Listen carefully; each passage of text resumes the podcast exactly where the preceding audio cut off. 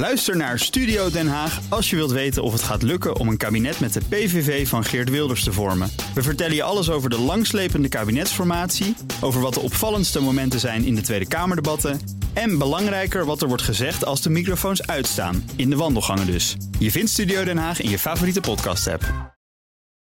BNR Bouwmeesters wordt mede mogelijk gemaakt door Bouwend Nederland. De bouw maakt het. BNR Nieuwsradio. Bouwmeesters. Welkom bij BNR Bouwmeesters voor de bedenkers, bouwers en bewoners.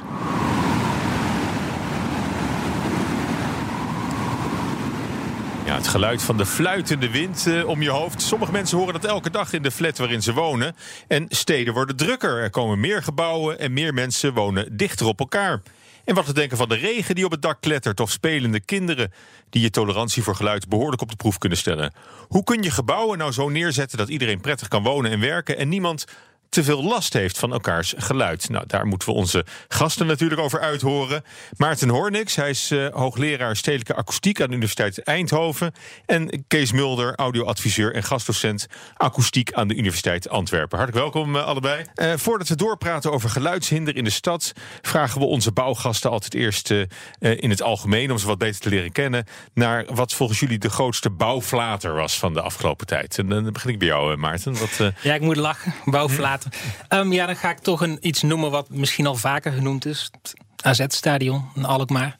Um, vanuit mijn academische mm. achtergrond is dat iets wat voorkomen had kunnen worden. Ik heb gehoord dat dat met de windbelasting op het dak te maken mm. heeft. En ja, kunnen prima onderzoek doen in een windtunnel bijvoorbeeld naar de windbelasting op zo'n dak. Dan had het uh, goed voorkomen kunnen worden. Dus... de belasting van bovenaf hè, was, ja, was het probleem, zeker. geloof ik. Uh, ja, ja. Had, uh, had niet gehoeven. Dus een, een, gro een grote miskleun. Ja, zeker. En, en uh, een groot succes dan misschien? Iets wat juist wel heel handig is gerealiseerd?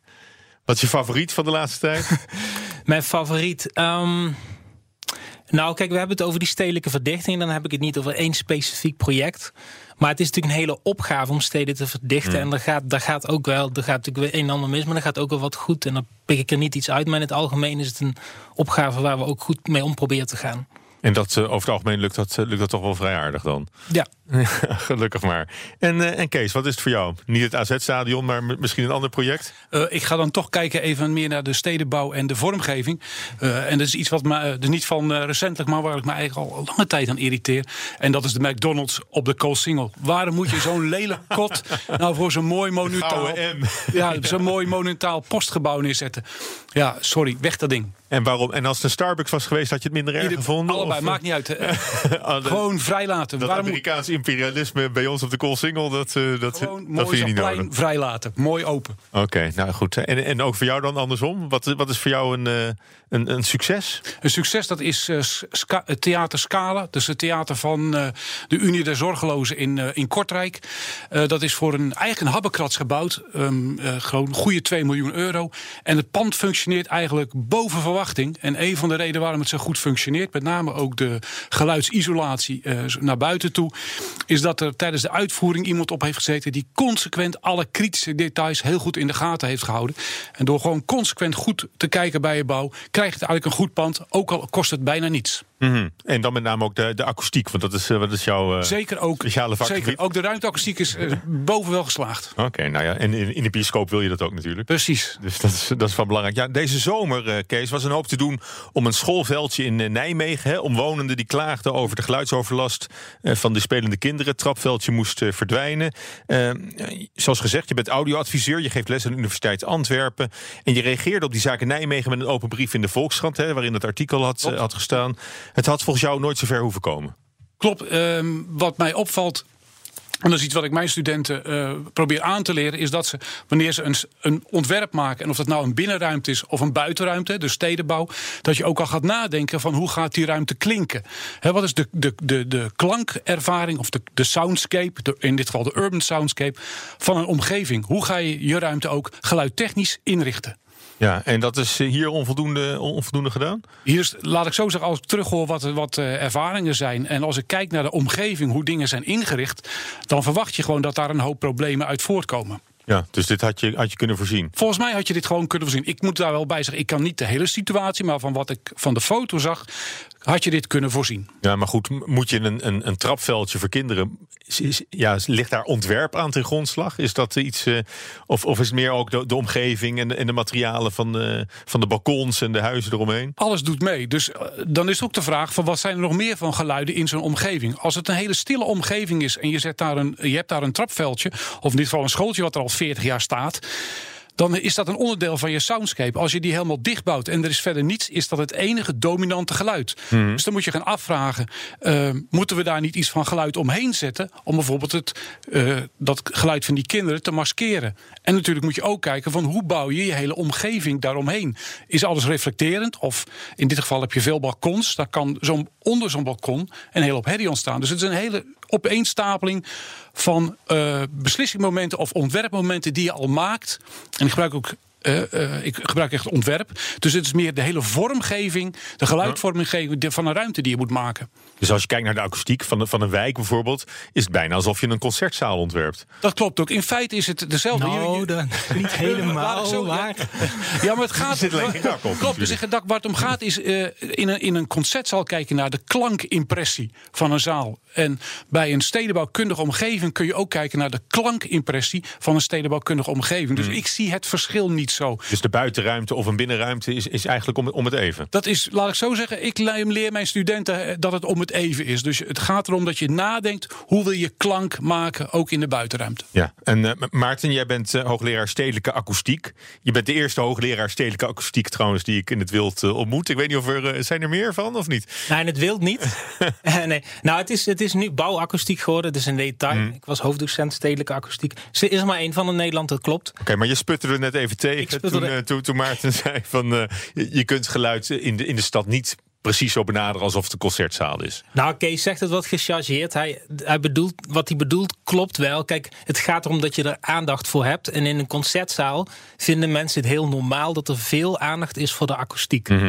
En buiten weten mensen niet of dat normaal is. En het gaat erom dat daar ook veel aandacht voor moet zijn. Het is wel heel lastig om na te denken, hè, wat Kees klank noemt, na te denken over wat de consequentie is van bepaalde keuzes. Nou, in dit geval. Eh, Wat, leer jij jouw architectuurstudenten daar dan over? Ehm, nou, wat wij vaak doen is de principes van ehm, geluidoverdrachten eh, hebben we het over. Dus dan gaat het over afstand. In dit geval is heel lastig. Het trapveldje is eigenlijk een soort van arena. Ik denk dat het voor kinderen wel leuk is. Een heel een intieme plek.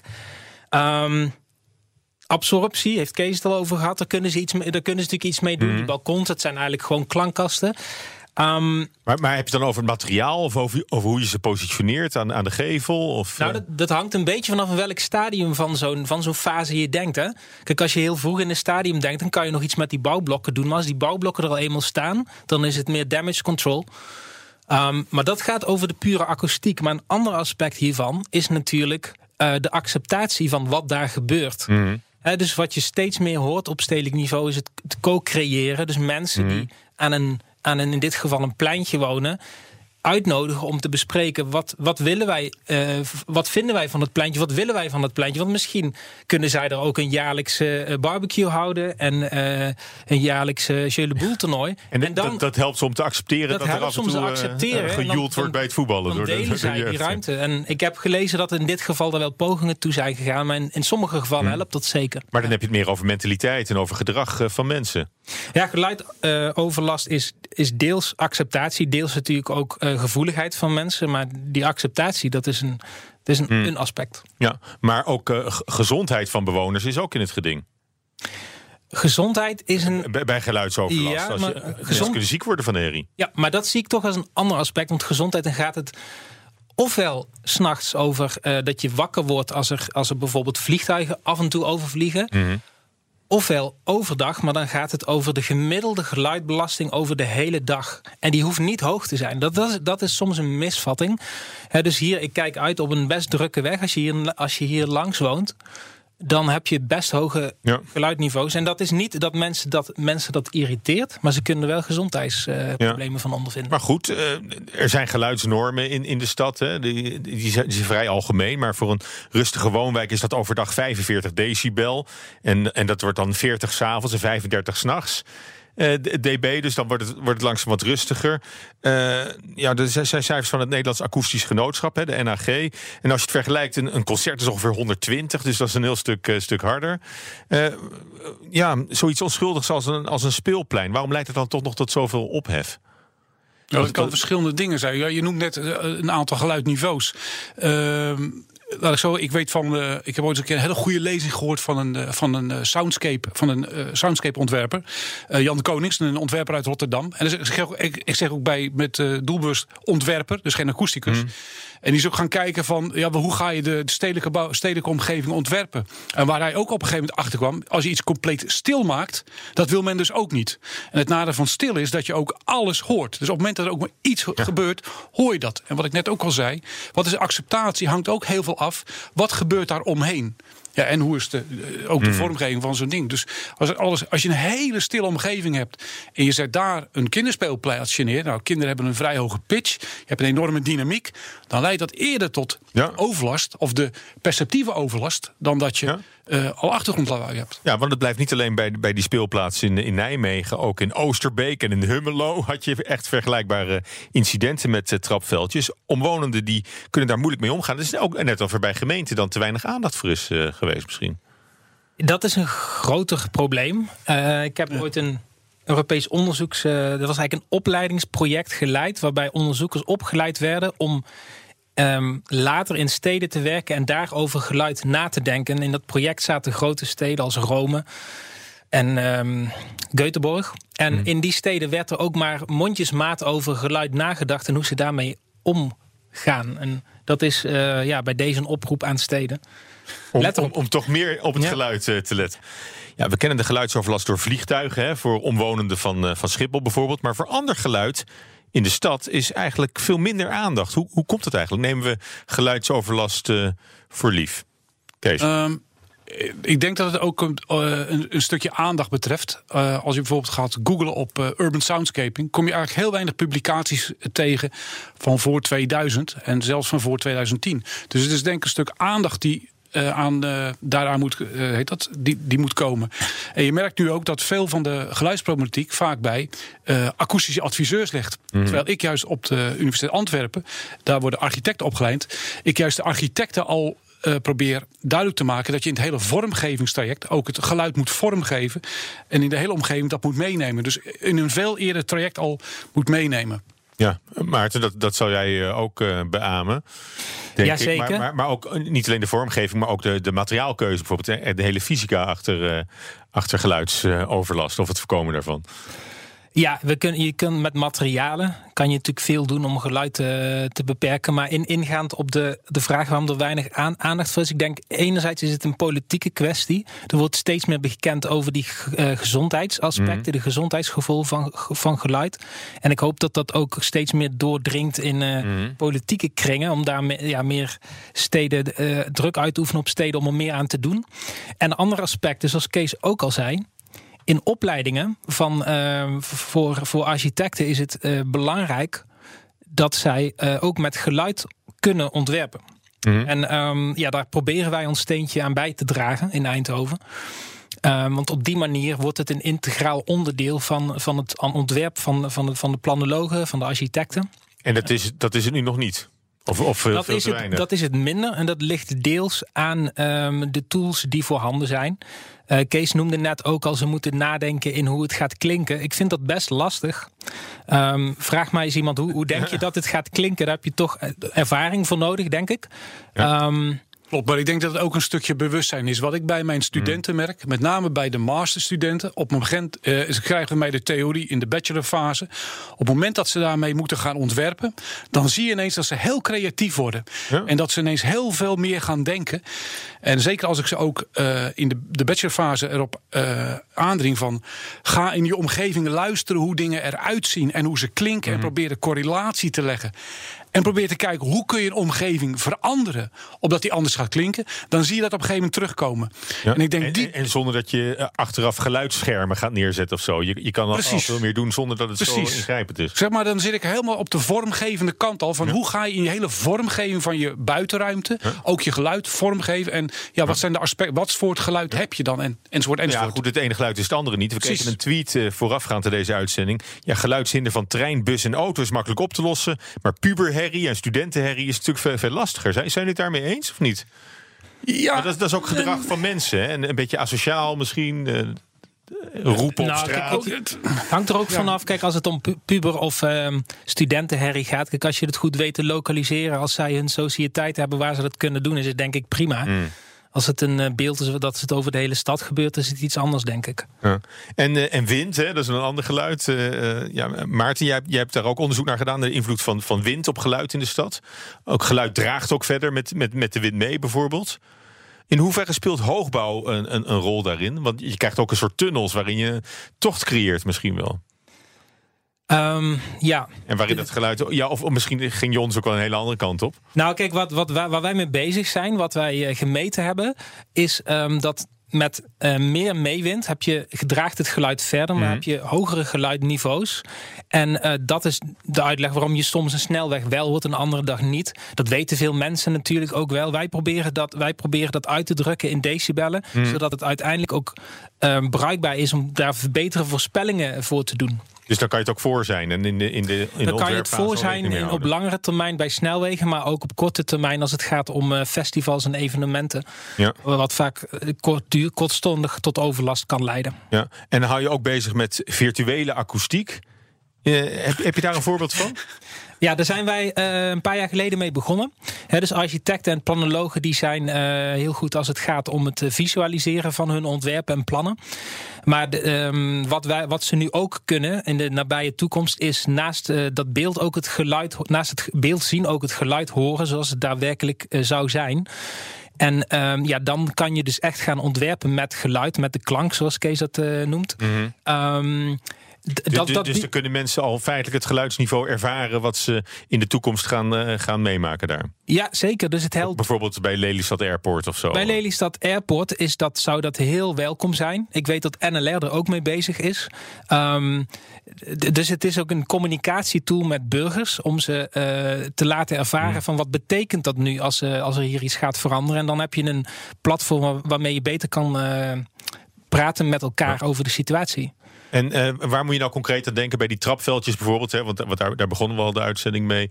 Eh, als je objecten neerzet eromheen, of eh, vegetatie of bomen of zo. ga- gaat dat al behoorlijk schelen? Is dat ook materiaal waarmee jullie werken? Om, Nou ja, afschermen werkt sowieso, zeker voor degenen die ernaast zitten. Mensen die, heel, die daar hoog boven wonen niet.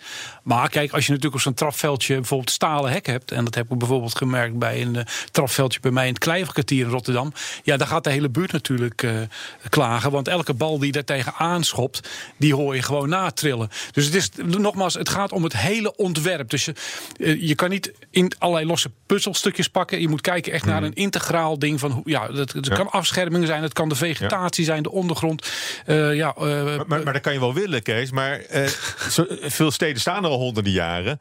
Dus je moet eigenlijk al in een bestaande stad... moet je misschien toch aanpassingen door gaan voeren. dan, ja, dan is maar dan kom je weer in de ontwerpfase. Ook een aanpassing niet, is niets anders dan een ontwerp. Dus dan is het weer kijken van hoe ga je dat dan ja, vormgeven? Wat voor materialen? eh, dus ook bij enzovoort. verlichting van bestaande stedenbouw... kun je dit eh, prima meenemen. Nou, kijk, ik denk wat belangrijk is, is dat eh, we produceren met z'n allen best veel geluid. Eh, laten we dat ook doen, want als we de steden helemaal stil zijn, dan voelen we ons ook niet veilig.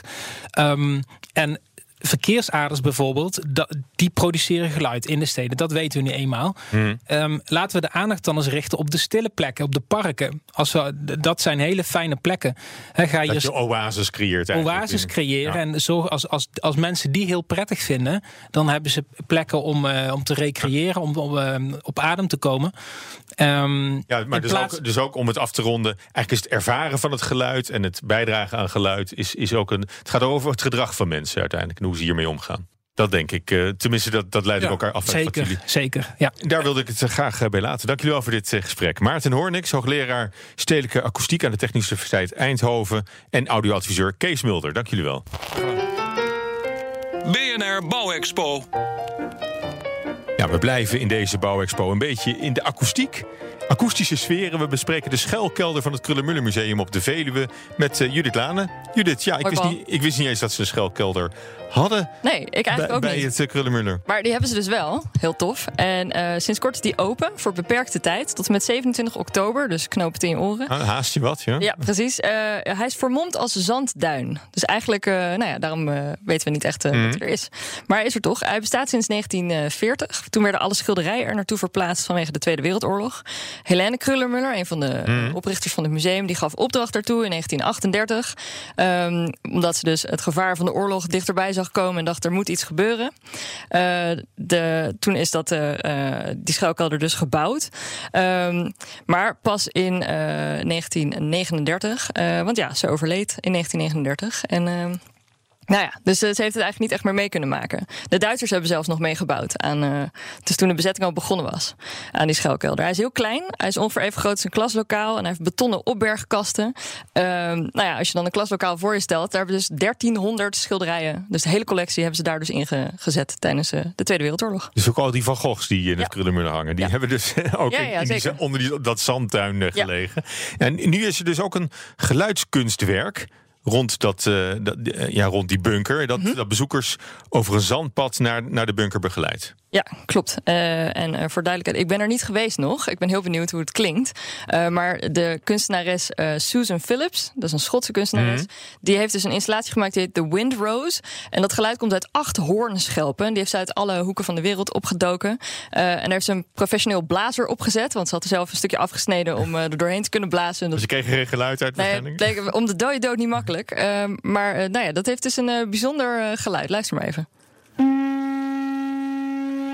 Nou ja, dat is er één. Maar kan ik zo klinken? Of zo? Ja, dat is kunst. Ja. en, en nou waar- ja, dit dan niet, maar... En, en, waar bij het, eh, bij het museum hoor je dit geluid? Dit hoor je dus als je eh, naar de bunker toe loopt. Dus je loopt over een zandpad. Eh dat ben je ongeveer een kwartiertje mee bezig. En dan hoor je dus om je heen, blijkbaar, al die hoornschelpen. En Ah. die symboliseren dus de acht eh, windrichtingen. Eh, de NRC die omschreef bijvoorbeeld eh, dat het een soort mysterieuze klaagzang is. Hij is atonaal, er zit dus geen melodie in. Het klinkt ook ijl. En soms klinkt het alsof iemand heel traag ademhaalt met zuchten en steunen. Dus echt een beetje verontrustend. En ja, soms klinkt het als een soort schel luchtalarm, zoals je net hoorde. Dus het, kan, van alle, het kan eigenlijk allerlei vormen aannemen. Maar kortom, bijzonder dat hij opengesteld is. En dat je er dus op deze manier dan naartoe geleid wordt. Ah ja, en nog vier weken de tijd om het, eh, om het te gaan zien. Eh, dus eh, wees er snel bij. Dankjewel Judith. Tot zover BNR Bouwmeesters. Mail al je tips naar bouwmeesters.bnr.nl. En de uitzending is terug te luisteren via de BNR-app of bnr.nl of als podcast. Tot volgende week. BNR Bouwmeesters wordt mede mogelijk gemaakt door Bouwend Nederland. De bouw maakt het. Ook Bas van Werven vind je in de BNR-app. Ja, je kunt live naar mij en Iwan luisteren tijdens de ochtendspits. Je krijgt een melding van Breaking News. En niet alleen onze podcast Ochtendnieuws, maar alle BNR-podcasts vind je in de app. Download nu de gratis BNR-app en blijf scherp.